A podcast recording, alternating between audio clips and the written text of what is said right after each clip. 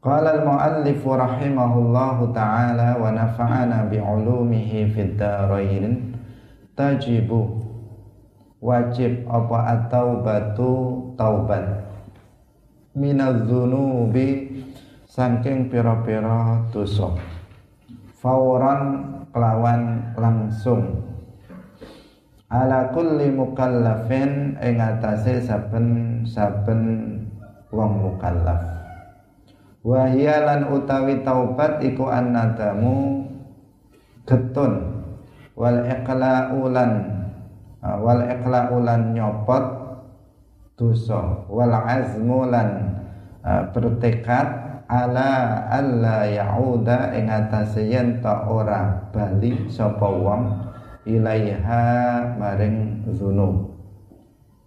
Wal istighfaru lan amrih uh, ngap amrih atau jaluk ngapura sapa wong. Wa kana lan lamun ana apa azan budosa iku tarka fardin ninggal perkara kang wajib.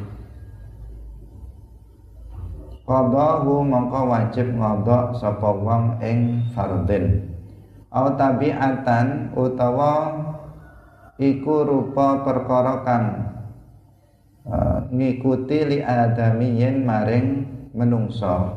Nah, kang berkaitan kalian hak menungso. Qadahu mongko bayar sapa wong ing tabiatan li adamiyin awis tardahu utawa amrih ridone uh, amrih ridone uh, tabiatan li adamiyin Hadirin rahimakumullah setelah muallif menjelaskan tentang sekian banyak macam contoh-contoh dari dosa anggota badan. Mulai dari dosa hati yang jumlahnya juga banyak. Ada dosa tangan ada dosa mata ada dosa lisan ada dosa telinga ada dosa perut ada dosa kemaluan dan yang terakhir adalah dosa badan secara umum. Ah, sekian banyak dosa-dosa sekian banyak maksiat-maksiat. Ah, mungkin di antara bukan mungkin lagi pasti di antara dosa-dosa itu pernah kita lakukan. Di antara sekian banyak yang telah kita sebutkan dalam kitab ini itu sebagian sudah kita pernah kita lakukan. Ada sebagian yang sering kita lakukan atau mungkin ada yang rutinan melakukan dosa itu. Ada sebagian yang uh, sesekali kita lakukan tetapi tidak uh, tidak senantiasa kita lakukan. Ada yang pernah sekali atau dua kali kita lakukan. Nah, kalau sudah seperti itu bagaimana? Sebagian kita nggak tahu dulunya bahwa itu maksiat. Baru kita tahu setelah belajar ini. Sebagian kita sudah tahu tetapi tetap mengikuti hawa nafsunya sehingga melakukan dosa-dosa itu. Maka jika sudah demikian bagaimana jalan keluarnya? Jalan keluarnya adalah taubat. Nah, sehingga di akhir kitab ini beliau menjelaskan tentang pembahasan taubat.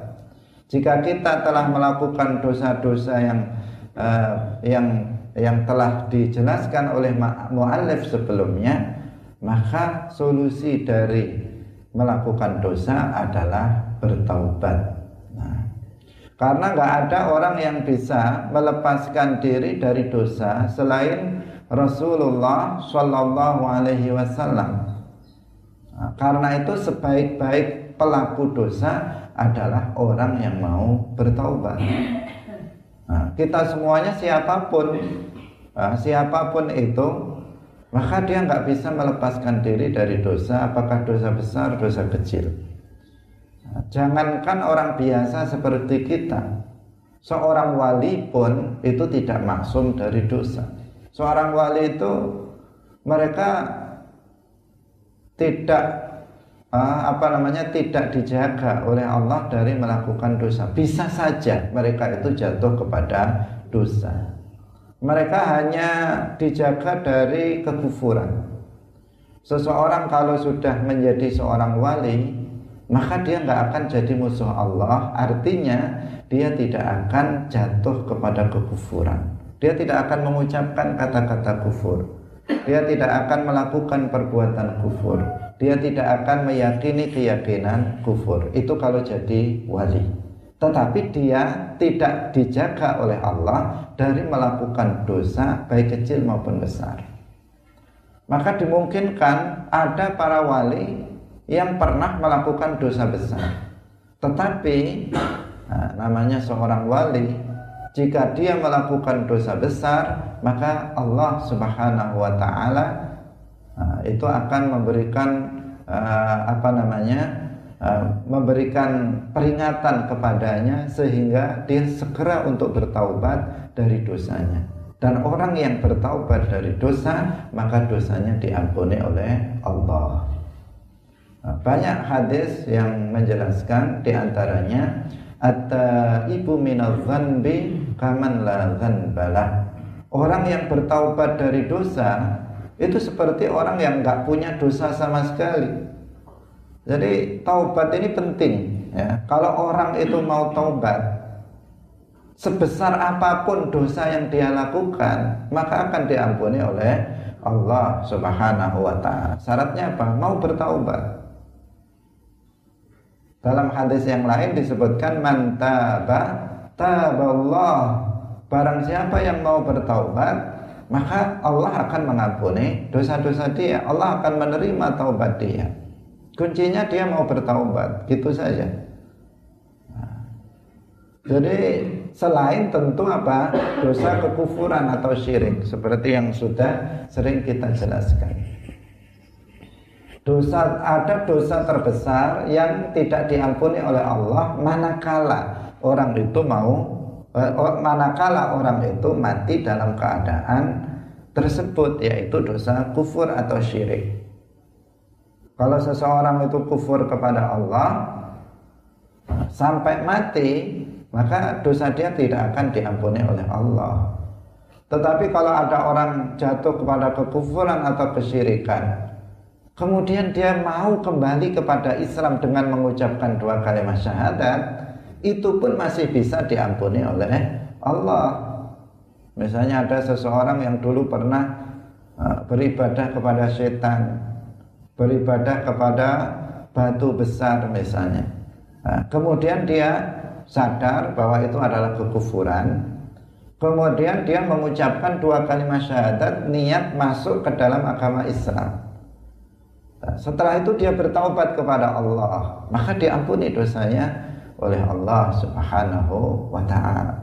Yang tidak diampuni itu adalah manakala seseorang kufur atau melakukan kufur syirik sampai mati dia belum kembali kepada agama Islam. Maka tempatnya adalah jahanam selamanya. Tetapi jika seseorang itu mau kembali kepada agama Islam, maka dia berpeluang untuk diampuni oleh Allah, apalagi kalau dia mau bertaubat kepada Allah Subhanahu wa taala. Nah, jadi uh, orang itu nggak bisa lepas dari dosa tetapi bukan berarti kita oh nggak bisa lepas ya udah saya lakukan. Itu namanya bukan tidak lepas itu maksudnya apa? Sulit berat untuk bisa menghindarinya. Nah, untuk menghindari dosa itu sulit.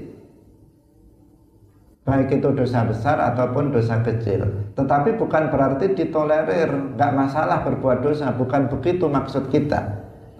Nah, kita harus berusaha untuk menghindari dosa.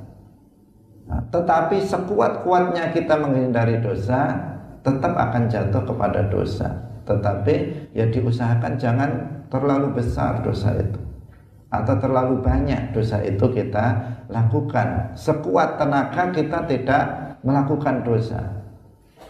Tetapi akan jatuh juga pada dosa. Apalagi orang yang nggak berusaha menghindari dosa, maka akan setiap hari akan jatuh kepada dosa karena dia nggak berusaha untuk menghindarinya. Seseorang yang berusaha keras untuk menghindari dosa itu saja masih bisa jatuh kepada dosa. Nah, ketika seseorang itu jatuh kepada dosa atau maksiat, maka apa? Dia harus bertaubat. Nah, dia harus bertaubat. Taubat ini wajib dilakukan, ya, wajib dilakukan seketika, fauron dalam kitab ini mualif menyebutkan fauron. Fauran itu artinya apa? Begitu seseorang melakukan dosa, saat itu juga dia bertobat kepada Allah. Jadi begitu selesai dia melakukan taubat atau mungkin di tengah-tengah dia melakukan dosa, nah, langsung ingat, oh ini dosa, langsung dia bertobat kepada Allah. Atau sesaat dia, loh ketika dia melakukan dosa dia tidak sadar bahwa itu adalah dosa. Begitu dia punya kesadaran bahwa itu adalah dosa maka fauron dia harus langsung bertaubat kepada Allah meminta ampunan kepada Allah atas dosa yang dia lakukan. Fauron jangan menunggu-nunggu. Jangan menunggu-nunggu besok saya besok saja saya bertaubat. Apalagi nanti saja kalau sudah tua saya bertaubat. Masih muda uh, diperbanyak dosanya. Nanti kalau sudah tua saya baru bertaubat. Nah ini apa? Ini tentu sesuatu yang tidak benar. Nah, kenapa? Karena seseorang itu tidak mengetahui kapan dia mati itu nggak tahu. Ini yang jadi masalah. Seandainya seseorang itu mengetahui kapan dia akan mati? Misalnya dia akan mati nanti umur 60 mungkin dia bisa mengatakan nah, mungkin dia bisa mengatakan nanti saja saya bertaubat. Nah, tetapi karena seseorang itu tidak tahu bahkan kematian itu selalu datang tiba-tiba. Kematian selalu datang tiba-tiba tidak disangka-sangka. Bahkan orang sudah sakit lama pun tiba-tiba juga dia datangnya. Karena apa? Karena dia belum menyadari. Dia sudah diberi kode dengan apa sakit, dia sudah diberi kode dengan apa namanya badan yang lemah, dia sudah diberi kode dengan uh, rambut yang mulai memutih, dia sudah diberi itu nggak sadar-sadar juga, tidak bertaubat juga.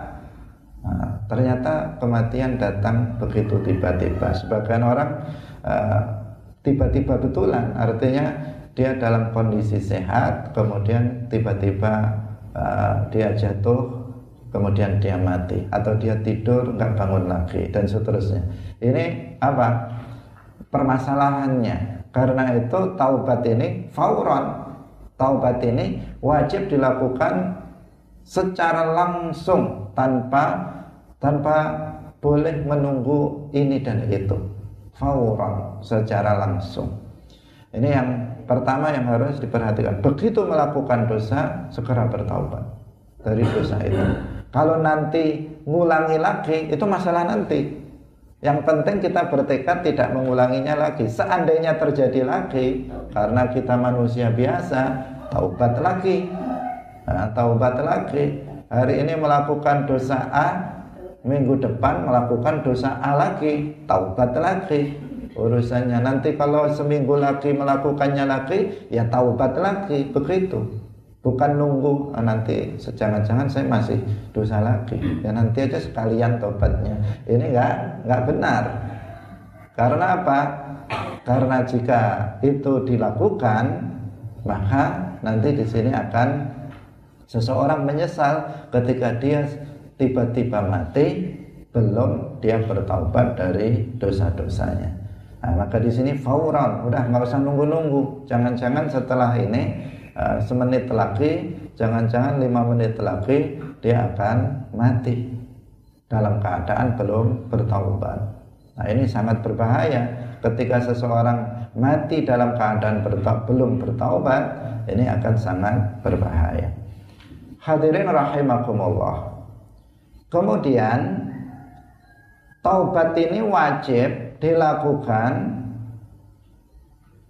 baik dari dosa kecil maupun dosa besar. Jadi tidak tidak memandang Uh, sebagian mengatakan, sebagian ada yang memiliki pemahaman bahwa taubat ini wajib dilakukan hanya dari dosa besar saja. Kalau dosa kecil nggak perlu taubat sudah terhapus sendiri. memang ada, nah, memang ada sebagian dosa kecil itu yang bisa terhapus dengan amal soleh yang kita lakukan. Karena dalam hadis disebutkan bahwa al hasanat itu yudhibna uh, itu yudhibna as-sayyi'at bahwa kebaikan itu bisa menghapus keburukan. Wa atbi'il wa atbi'is sayyi'atal hasanata ikutilah keburukan itu dengan kebaikan karena kebaikan itu bisa menghapus keburukan. Nah, hadis itu memang betul. Dan memang sebagian kebaikan seperti misalnya sholat itu bisa menghapus uh, dosa yang kita lakukan. Puasa itu bisa menghapus Eh, ke, apa dosa yang dilakukan oleh seseorang. Sodakoh dan sebagian amal soleh itu bisa menghapus dosa yang dilakukan oleh seseorang.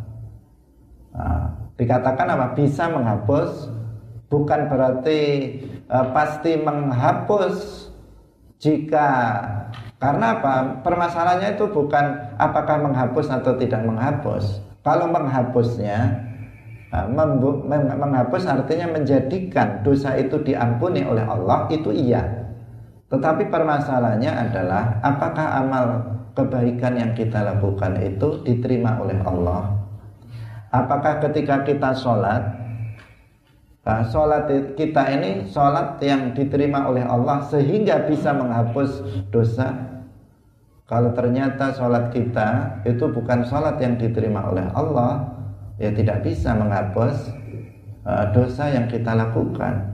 Apakah puasa yang kita lakukan diterima oleh Allah? Itu yang kita nggak tahu. Itu masalahnya. Nah, bahwa kebaikan itu bisa menghapus uh, dosa yang dilakukan oleh seseorang betul. Tetapi apakah kebaikan yang kita lakukan itu diterima oleh Allah sehingga bisa menghapus dosa yang kita lakukan? Nah, ini yang nggak ada Ah, nggak ada kepastian.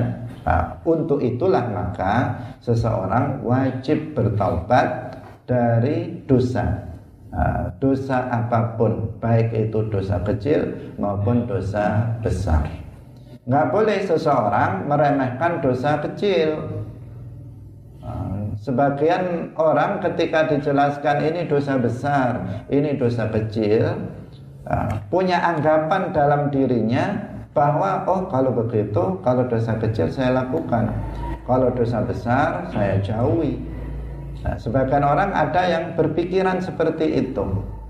Nah pemikiran seperti itu adalah pemikiran yang tidak benar. Ketika kita melakukan dosa itu jangan kita melihat pada apa yang sering kita sampaikan jangan ketika kita melihat pada dosa itu kecil atau besar Sekali lagi, ketika kita melakukan dosa, jangan melihat apakah dosa itu dosa kecil atau dosa besar. Tetapi lihatlah kepada siapa kita berbuat dosa. Itu. Kita yang berpikir, yang kita pikirkan apa? Kita bermaksiat kepada siapa? Kita berbuat dosa kepada siapa? Kepada Allah. Allah yang memberi hidup kita. Allah yang memberikan udara ini oksigen untuk kita bernafas.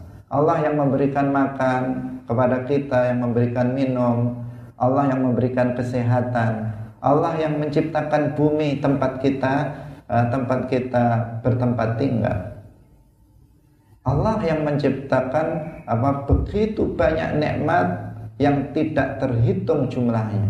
Allah yang memberikan mata sehingga kita bisa melihat. Allah yang memberikan telinga sehingga kita bisa mendengar. Allah yang memberikan lisan sehingga kita bisa bicara. Allah yang memberikan tangan, kaki, dan seterusnya. Begitu nikmat yang sangat banyak. Kepada dialah kita bermaksiat. Apakah Allah yang telah memberikan kenikmatan yang begitu banyak tak tiada terhitung, kita nggak bisa menghitungnya, kemudian kita melakukan dosa kepadanya? Itulah yang mesti kita pikirkan. Bukan kita melihat oh kecil, oh ini kecil, oh ini kecil, oh ini besar. Bukan begitu.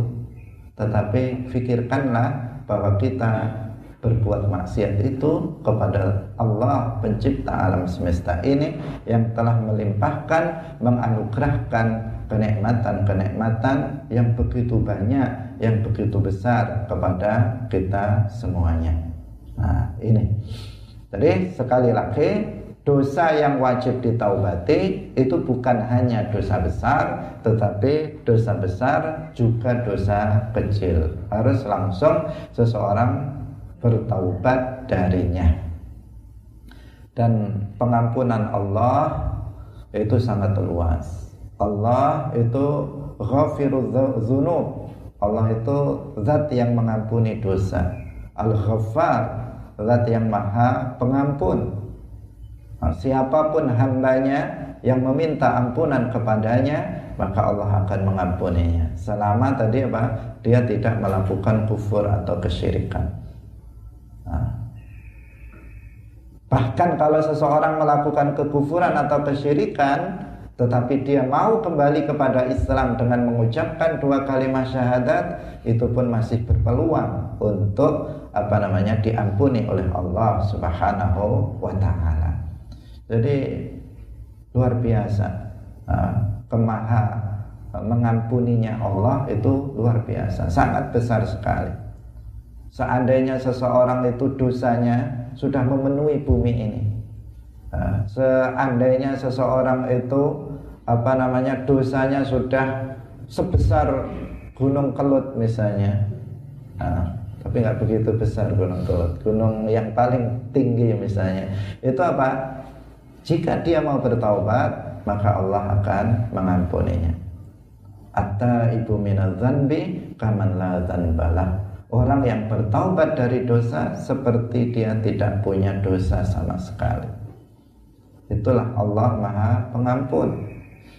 Tidak tidak semestinya seseorang untuk putus asa dari rahmat Allah. Bahkan sudah kita sebutkan putus asa terhadap rahmat Allah adalah dosa. Nah, rahmat Allah sangat luas, pengampunan Allah sangat luas.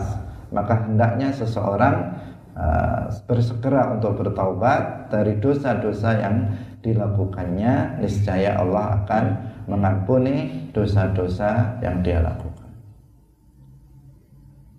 seandainya seseorang dari mulai balik dia sudah berbuat maksiat yang haram dikerjakan semuanya yang wajib ditinggalkan semuanya sampai umur 60 tahun baru taubat itu pun Allah akan mengampuninya jika dia memang betul-betul bertaubat kepada Allah.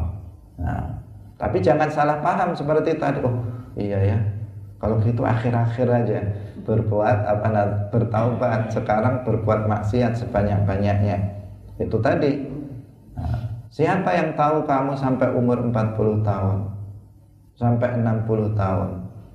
Jangan-jangan umur kamu tinggal 5 menit. Nah, ini yang menjadi masalah itu sehingga seseorang harus bertaubat. Banyak sekali orang yang berprinsip seperti itu. Nah, dulu saya pernah menemui seseorang yang berprinsip seperti itu. Nanti kalau saya sudah tua, saya akan apa namanya pulang kampung. Nanti saya akan fokus ibadah. Sekarang ya sholat gak dikerjakan. Nanti aja kalau sudah tua, sudah fokus. Sekarang saya fokus kerja. Nanti kalau sudah tua, saya akan fokus ibadah. Ah. dan seterusnya. Dia mengatakan banyak hal, intinya dia akan ah, menjadi baik di hari tuanya. Ternyata apa? Terbukti dia nggak sampai tua sudah mati. Yang seperti ini yang yang jadi uh, apa namanya masalah sehingga seseorang harus bersegera untuk bertaubat dari dosa-dosanya. Hadirin yang dirahmati oleh Allah, pemirsa Madu TV rahimakumullah. Nah, taubat yang diterima itu adalah taubat yang memenuhi ketentuan-ketentuan taubat. Nah, jadi agar taubat itu diterima itu ada rukunnya arkanu arkanu taubah. tidak begitu saja. Nah, maka beruntung bagi orang yang berilmu. Karena orang berilmu, kalaupun dia melakukan dosa, dia tahu tata cara taubatnya. Tapi kalau orang bodoh, dia belum pernah belajar babut taubah seperti yang hari ini kita pelajari, bisa jadi dia ingin bertaubat, tetapi dia tidak tahu apa yang harus dia lakukan agar terhapus dosa-dosanya. Nah, mereka terus melakukan dosa, tetapi nggak tahu bagaimana cara menghapus dosanya. Karena itu sering kita sampaikan orang yang berilmu selalu lebih baik, lebih utama dari orang yang tidak berilmu. Sesuai dengan firman Allah, hal yastawil ladzina ya'lamun wal ladzina la ya'lamun. Artinya enggak sama. Orang berilmu dengan orang yang tidak berilmu itu tidak sama. Orang berilmu itu mencari pahala mudah.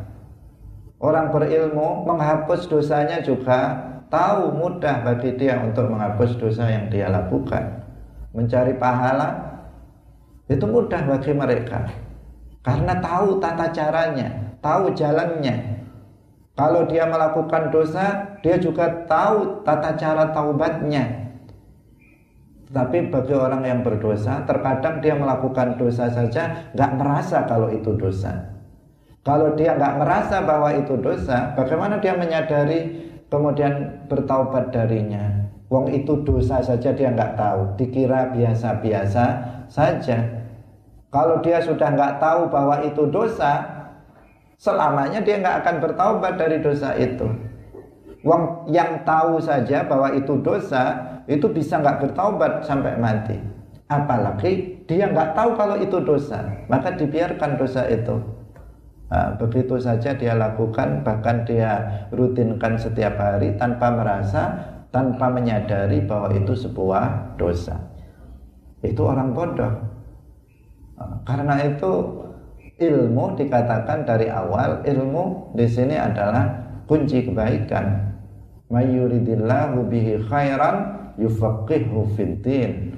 Barang siapa yang dikehendaki oleh Allah kebaikan, maka Allah akan memberikan pemahaman ilmu akal. Nah, orang yang tanda kebaikan bagi seseorang apabila seseorang bela senang belajar ilmu akal. Itu tanda kebaikan karena dia akan mengetahui hal-hal yang bisa menyelamatkan dia nanti di akhirat. Dia akan tahu itu. Dengan begitu seseorang uh, bisa uh, kehidupannya bisa apa namanya dia lakukan dengan kebaikan-kebaikan dan menjauhi kemaksiatan-kemaksiatan. Jika dia jatuh dalam kemaksiatan, maka dia bisa bertobat kepada Allah Subhanahu wa taala. Karena itu mencela, menghina para ulama pun nggak boleh. Karena bagaimanapun keadaan para ulama, seburuk apa pun keadaan mereka, kelakuan mereka, tetap mereka lebih utama daripada orang bodoh. Nah, ironisnya yang mencela itu orang bodoh juga. Nah, ini yang uh, bermasalah ya. Hadirin rahimakumullah. Jadi agar taubat itu diterima maka ada ketentuan-ketentuannya yang kita sebut dengan arkanut taubah, rukun-rukun taubat. Yang pertama adalah menyesal. Menyesal dalam hati. Karena hakikat dari taubat itu adalah menyesal itu. Dalam hadis disebutkan an-nadamu taubatun.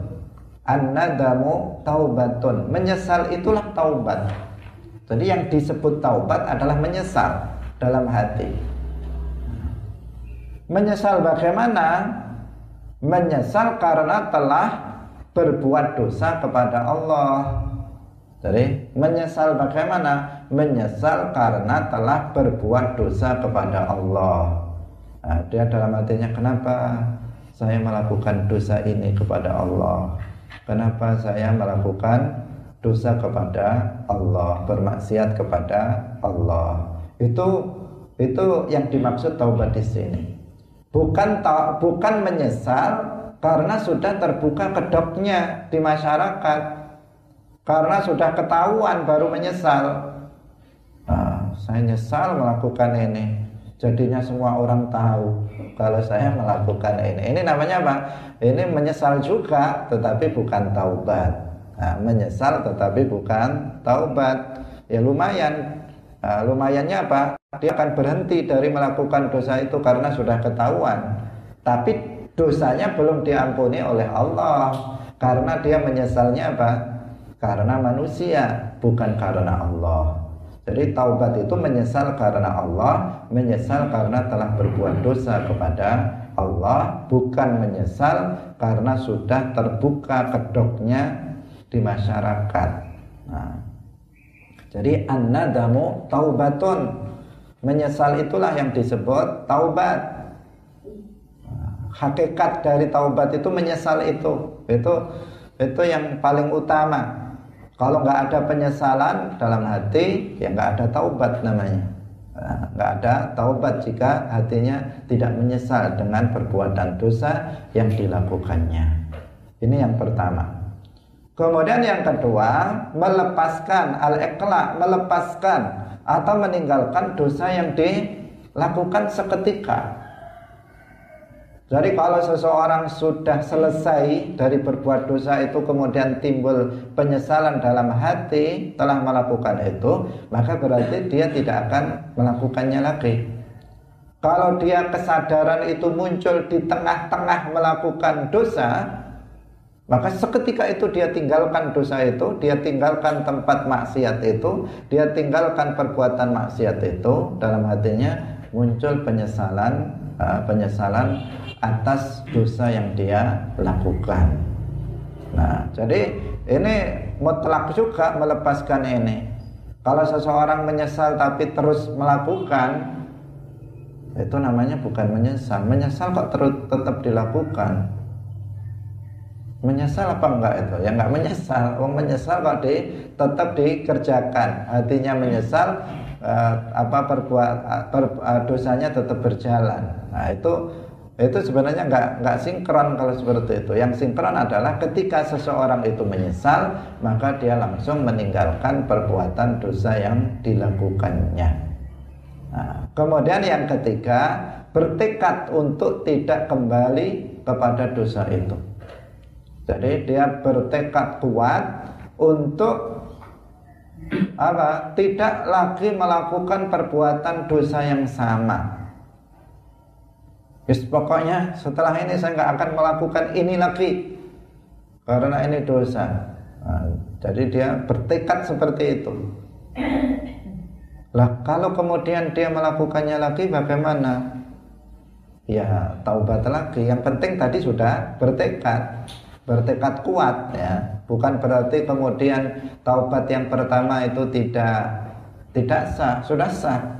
Kalau seseorang sudah bertekad saya tidak akan pernah melakukan dosa ini lagi.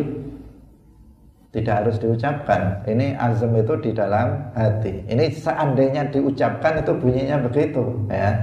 Karena nggak harus diucapkan karena nah, di sini adalah tekad dalam hati. Saya tidak akan pernah melakukan dosa ini lagi.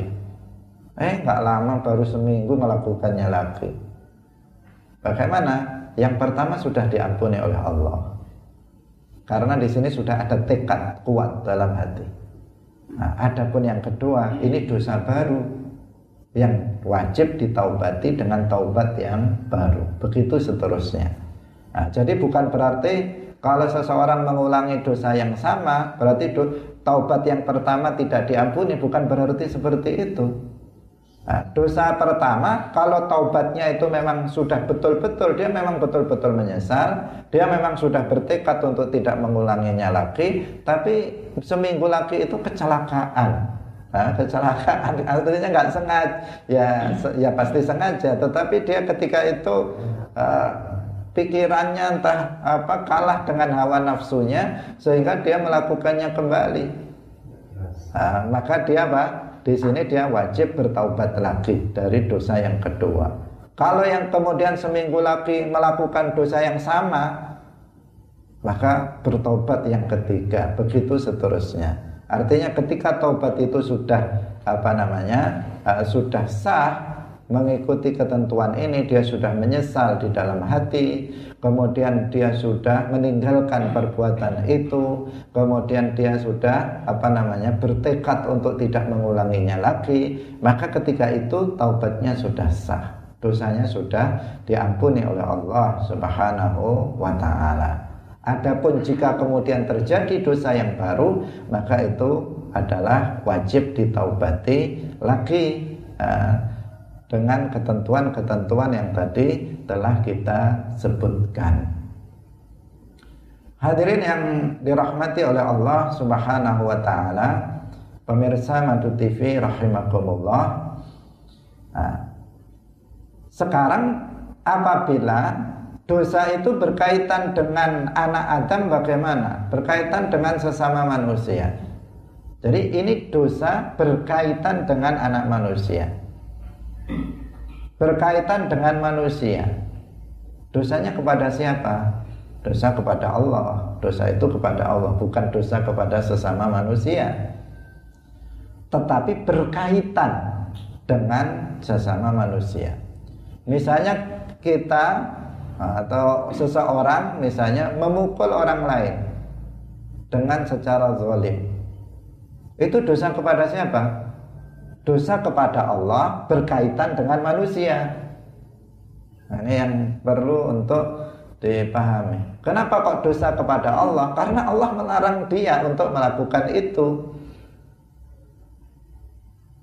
Nah, dalam hadis kan sudah disebutkan bahwa di di sini juga mimasi aliyat nah, itu abdurrab bi ghairi hak memukul tanpa hak disebutkan di sini maksiat kepada Allah dosa tangan.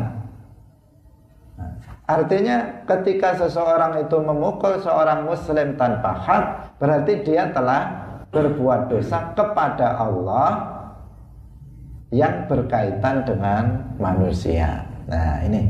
Nah, maka artinya apa? Yang mengampuni dosa itu Allah, bukan manusia. Nah, maka jika Seseorang melakukan perbuatan seperti itu mencaci maki orang, ngerasani orang, kemudian mengadu domba orang, memukul orang. Itu berarti dosa kepada Allah berkaitan dengan manusia. Nah, yang seperti itu maka untuk bertaubatnya nah, untuk bertaubatnya dia harus meminta maaf kepada orang tersebut, meminta halalnya atau kalau itu berupa mengambil sesuatu barang milik orang lain, maka dia harus mengembalikannya atau meminta halalnya. Misalnya pernah dia mengambil uh, apa namanya uh, jambu milik tetangganya misalnya tanpa izin misalnya. Kecuali kalau memang sudah di diperbolehkan. Nah ini seandainya nggak diperbolehkan, kemudian dia mau bertaubat, maka dia harus minta halalnya. Nah, dulu saya pernah makan punya kamu ini, ini tolong dihalalkan ya. Nah, itu itu apa? Itu kewajiban dia untuk bertaubat. Atau kalau kamu nggak nganu saya ganti, ini saya ganti uang atau saya ganti dengan benda yang sama yang dia ambil. Itu jika berkaitan dengan manusia seperti itu. Atau kalau dia tadi memukulnya ya meminta maaf, ganti saman pukul saya misalnya dengan cara yang sama. Kalau nggak nggak mau memaafkan misalnya ganti saja dipukul misalnya. Itu agar dia uh, uh, memaafkan. Nah, ini apa? Ini cara caranya seperti itu. Nah, kalau seandainya kemudian dia tidak mau memaafkan bagaimana? Ya tidak masalah. Karena apa yang mengampuni dosa itu Allah bukan dia. Bukan berarti kalau dia nggak mau memaafkan kita, Allah nggak mengampuni enggak. Allah yang mengampuni dosa. Allah itu yang ghafirul dzunub. Allah yang ghafar. Dia tidak bisa mengampuni dosa kita. Yang mengampuni dosa kita adalah Allah karena kita berdosa kepada Allah. Nah, jadi kalau seseorang karena ini sering muncul apa pertanyaan, saya sudah minta maaf, tetapi dia tidak mau memaafkan saya. Ya sudah, Nah, Allah yang akan mengampuni dosa kita bukan dia. Nah, tugas kita sebagai syarat atau rukun kita untuk bertobat, kita harus minta maaf agar Allah mengampuni kita. Tapi kalau kemudian kita minta maaf dia tidak memaafkan, maka ya sudah. Kan tugas kita cuma minta maaf, bukan tugas kita mendapatkan maaf. Tetapi tugas kita adalah meminta maaf. Karena orang itu ada yang pemaaf, ada yang nggak pemaaf. Nah, kita salah sedikit saja dia nggak akan memaafkan, bisa terjadi seperti itu. Nah, ada juga orang yang nggak nggak kita mintai maaf, dia sudah memaafkan duluan. Artinya apa namanya uh, pengampunan Allah itu bukan tergantung kepada apa namanya pemaafan dari orang. Tetapi bagaimana kita apakah kita sudah meminta maaf apa enggak? Itu itu yang uh, kita perhatikan.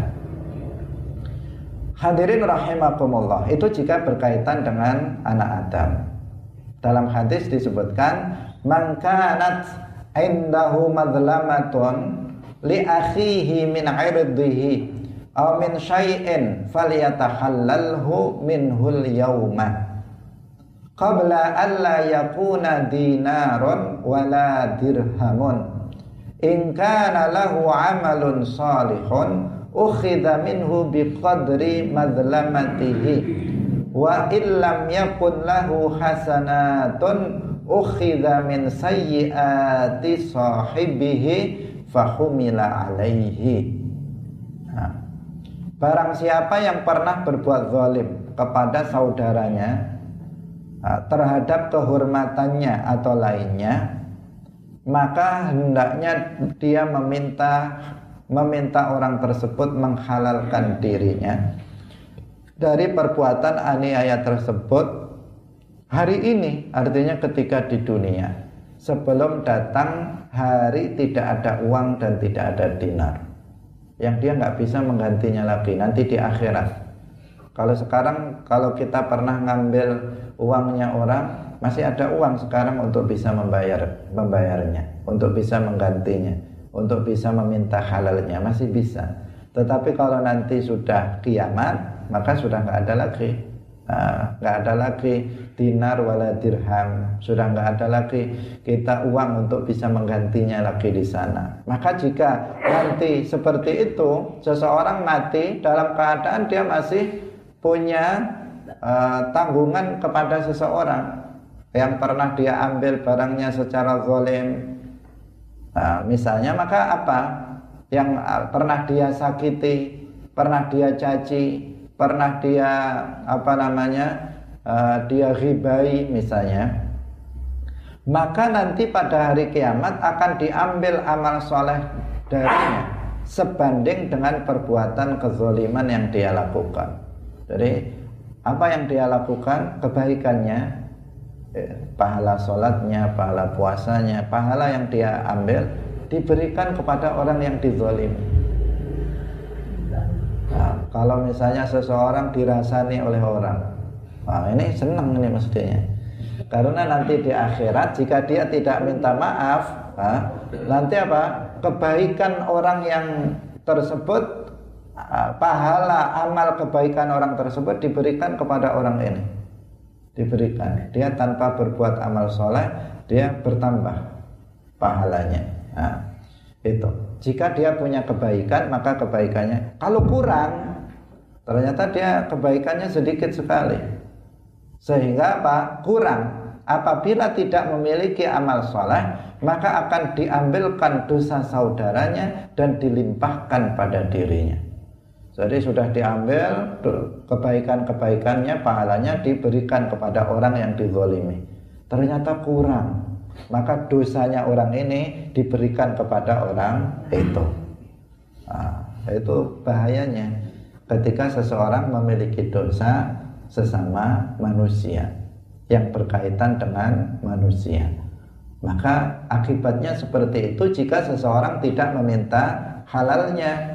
Jika seseorang tidak meminta maaf di dunia, maka di akhirat dia akan seperti itu. Eman, kita sudah banyak berbuat kebaikan misalnya, tetapi kebaikan itu ternyata pahalanya diberikan orang lain yang kita zolimi kepada orang lain yang apa namanya kita sakiti diberikan kepada dia. Nah, kalau pahala kita itu banyak ya diambil sedikit nggak masalah. Masalahnya kalau kebaikan kita itu sedikit habis malah kurang untuk nambeli nambeli itu maka dosa mereka diambil diberikan kepada kita. Artinya memperberat azab nanti di akhirat nah, ta'ala. Nah, semoga kita dilindungi dari itu. Maka berhati-hati. Ya, dalam pergaulan sesama manusia itu harus berhati-hati. Karena akan uh, apa berkonsekuensi nanti di akhirat. Nah, orang yang melakukan perbuatan kezoliman dan seterusnya terhadap sesama muslim. Hadirin rahimakumullah, pemirsa Madu TV yang berbahagia. Nah, kemudian apabila dosa itu berkaitan dengan meninggalkan perkara yang wajib. Misalnya dosanya berupa meninggalkan sholat, meninggalkan puasa Ramadan, tidak mengeluarkan zakat. Nah, misalnya dosanya seperti itu. Maka dia wajib mengkodoknya. Jadi selain tadi ketentuan dia harus menyesal dalam hati, kemudian meninggalkan kemaksiatan yang dilakukannya, kemudian bertekad untuk tidak mengulanginya lagi, dia juga harus mengkodoknya. Jadi kalau dia meninggalkan sholat, berapa tahun atau berapa banyak? Sebagian orang meninggalkan sholat bertahun-tahun. Bahkan ada sebagian sejak balik belum sholat. Jadi sejak dia balik belum sholat. Bagaimana ini taubatnya? Nggak bisa cukup hanya menyesal saja. Maka dia juga menambahkannya dengan kodok. Kalau dia lima tahun nggak sholat ya udah dikodok lima tahun itu. Kalau sepuluh tahun dia nggak sholat, sepuluh tahun dia harus kodok sholat itu. Dia harus gunakan waktu-waktunya untuk mengkodoknya udah pagi ini kosong udah sholat terus. Sholat terus. Sampai habis uh, sholat yang pernah ditinggalkan. Gunakan waktu waktu yang tersisa uh, sholat-sholat sunnah sementara tidak dilakukan dulu. Lakukan kodok uh, lakukan kodok sholat yang pernah dia tinggalkan. Lima tahun lima tahun. Sepuluh tahun sepuluh tahun Ah, dikerjakan. Nah, terus dia mengkodok sholatnya sampai selesai dia mengkodoknya. Ini kalau apa? Dosanya berupa meninggalkan kewajiban. Kalau dia misalnya pernah meninggalkan puasa, nah, berapa kali?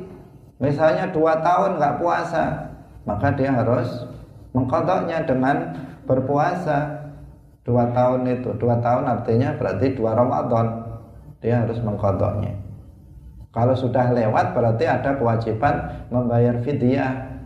Uh, membayar fidyah setiap harinya satu mud nah, kurang lebih enam on. Itu apa? Itu setiap setiap satu harinya. Karena kalau sudah numpuk misalnya uh, Ramadan ini Eh, Ramadan kemarin, kemarinnya, kemarinnya, kemarinnya lagi, berarti sudah dihitung per tahunnya itu apa namanya satu mut per harinya. Nah, jadi ini kalau berkaitan dengan meninggalkan perkara yang wajib, maka harus mengkodok. Nggak cukup dengan hanya sekedar menyesal dalam hati saja, ketentuan yang tadi sudah kita sebutkan tetapi dia ada kewajiban mengkodok mengkodok itu melakukannya lagi meskipun uh, di luar waktunya di luar waktunya uh, bagi seseorang yang merasa memiliki pernah meninggalkan sholat maka dia harus uh, waktu-waktunya apa namanya gunakan untuk apa namanya mengkodok sholatnya Jangan sampai nanti mati belum uh, belum mengkodok sholat yang pernah ditinggalkannya. Karena yang seperti yang sudah kita sampaikan, bahwa sholat adalah amal yang pertama kali nanti akan dihisab oleh Allah.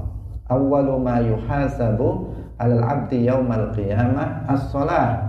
Nah, pertama kali amal yang akan dihisab nanti pada hari kiamat adalah sholat. Sholat terima waktu ini.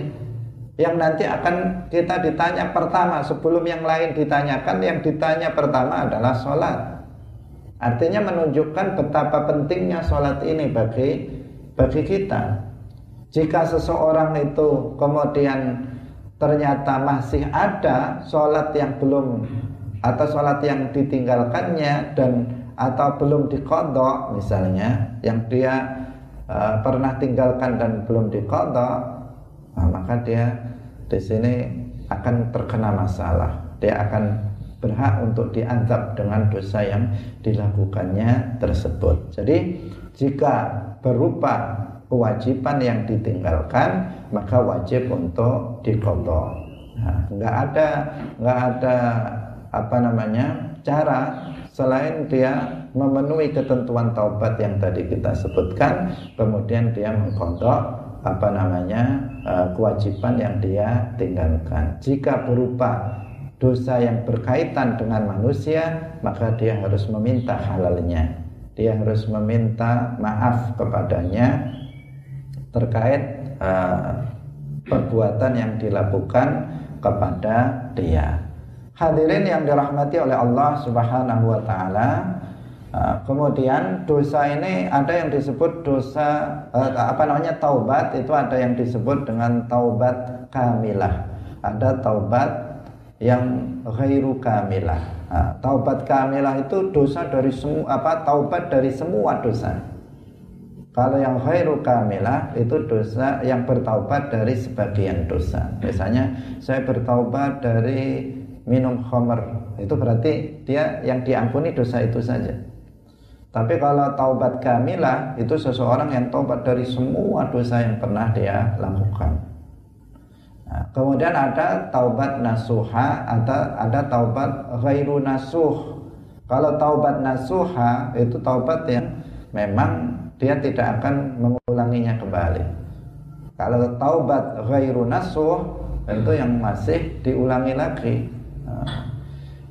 ini waktu sudah habis. Eh, semoga bermanfaat apa yang kita baca pada hari ini. Eh, bagian akhir dari kitab ini, insya Allah hari Senin akan kita kembali kepada pembahasan tentang masalah eh, fikih, yaitu masalah sholat. Barakallahu fikum wallahu muwaffiq ila aqwamit thoriq. Wassalamualaikum warahmatullahi wabarakatuh.